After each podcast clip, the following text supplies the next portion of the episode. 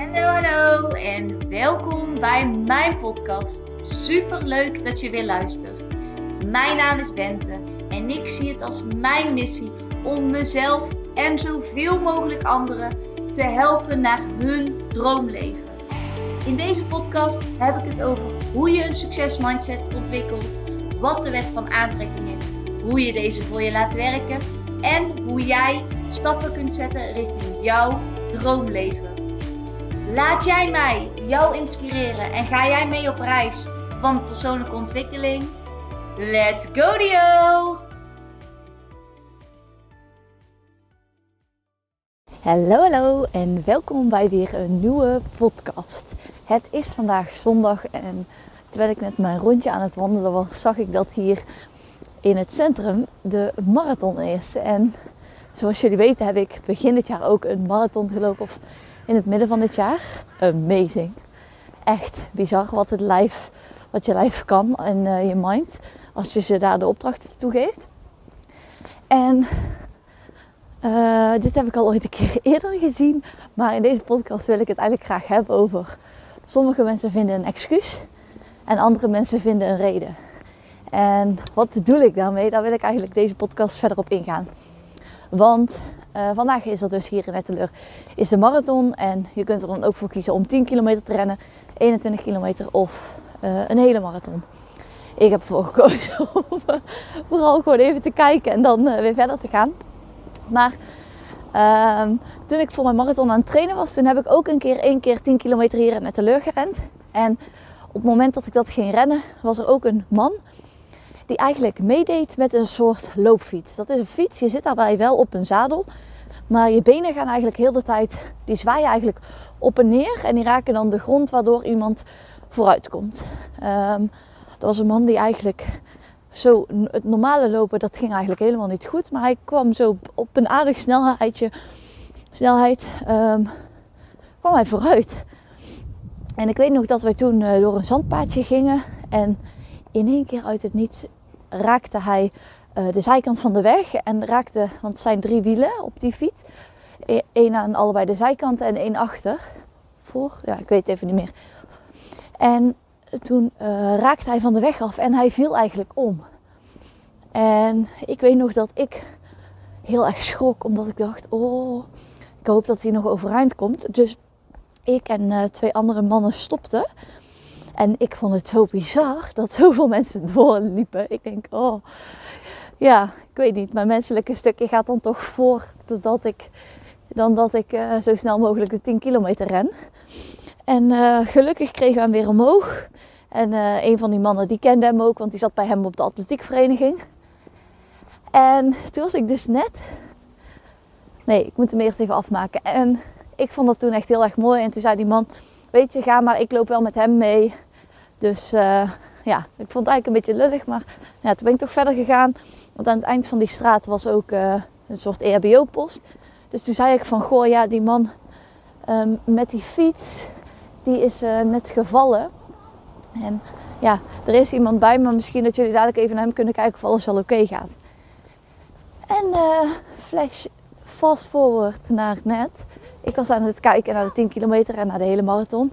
En ik zie dus weer twee van twee mensen, een man en een vrouw, op zo'n fiets. En ik dacht bij mezelf, ik krijg daar gewoon, ik het, om zulke dingen kan ik dus gewoon echt huilen. En kan ik gewoon echt, ja, ja echt. Oh, ik zie het gewoon vol als ik daaraan denk. Dan denk ik van, er zijn zoveel mensen die het niet doen. En dat is ook volledig hun recht. Maar dan denk ik van, ja, niet iedereen hoeft dit te doen. Maar zij kiezen ervoor om, om, om het te doen. En dan is voor mij komt dan echt de zin naar boven van sommige mensen verzinnen een excuus. Waarom ze het niet kunnen doen, zullen ook altijd hun beperking zeg maar tegenover zichzelf zetten van ja, ik kan het nou eenmaal niet omdat of dit gaat mij nooit lukken omdat. En sommige mensen vinden een reden om het wel te doen.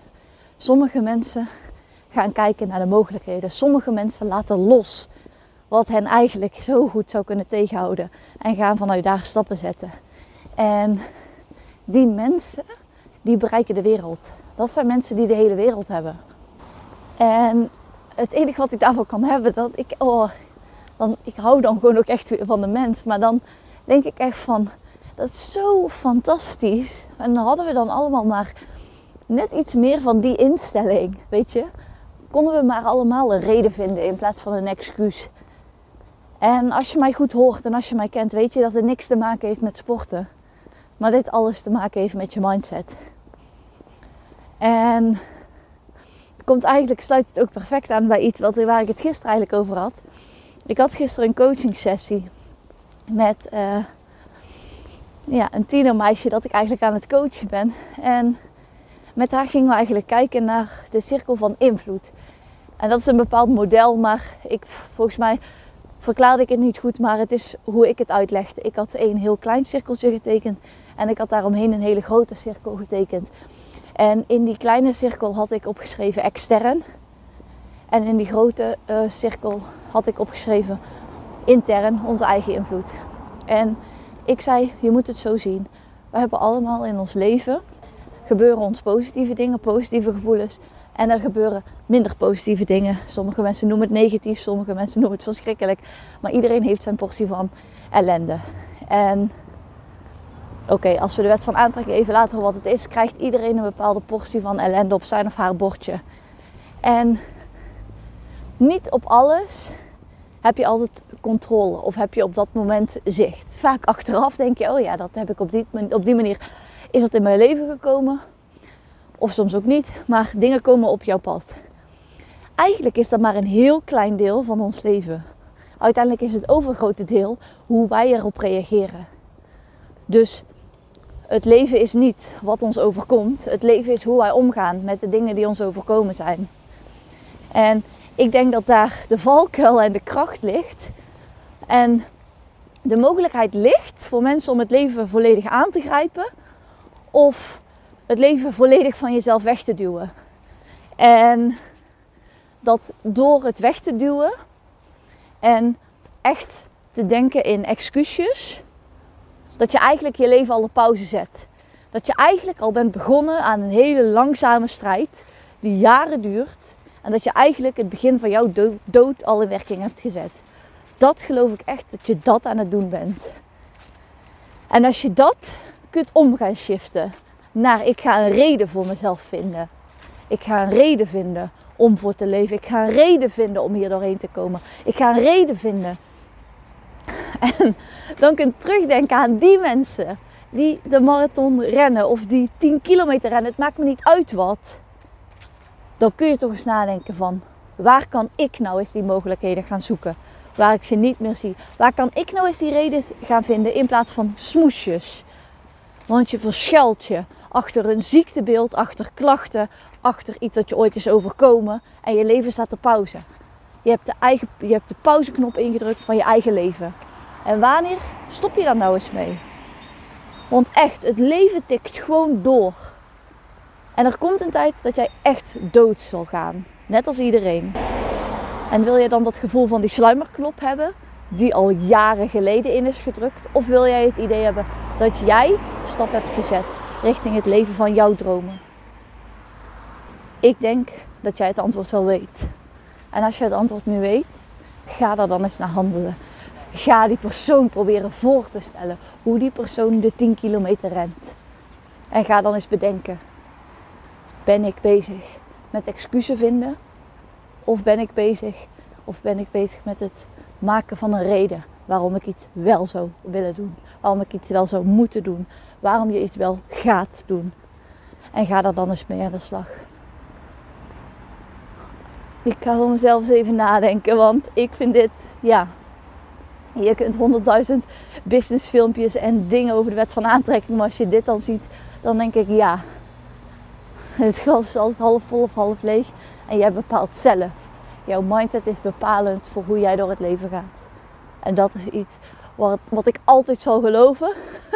ik zie mezelf ook gewoon voor me later, als er nog een verzorgingstehuis is zie ik mezelf gewoon over zulke dingen vertellen.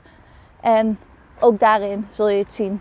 Van alle leeftijden bestaan ze. Het glas half vol, het glas half leeg. Het denken in smoesjes, excuses of het bedenken van een reden. En jij bepaalt zelf wat voor persoon jij bent. Dus kies verstandig. en dat was het weer voor vandaag. Ik vond het super leuk dat je weer hebt geluisterd. Tot de volgende keer. Doei!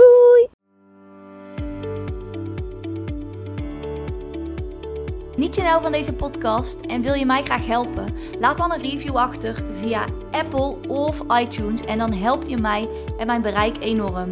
Ik wil graag zoveel mogelijk mensen inspireren en helpen. Dus als jij me een klein stapje kunt helpen, waardeer ik dat enorm. Super leuk en dankjewel voor jullie steun.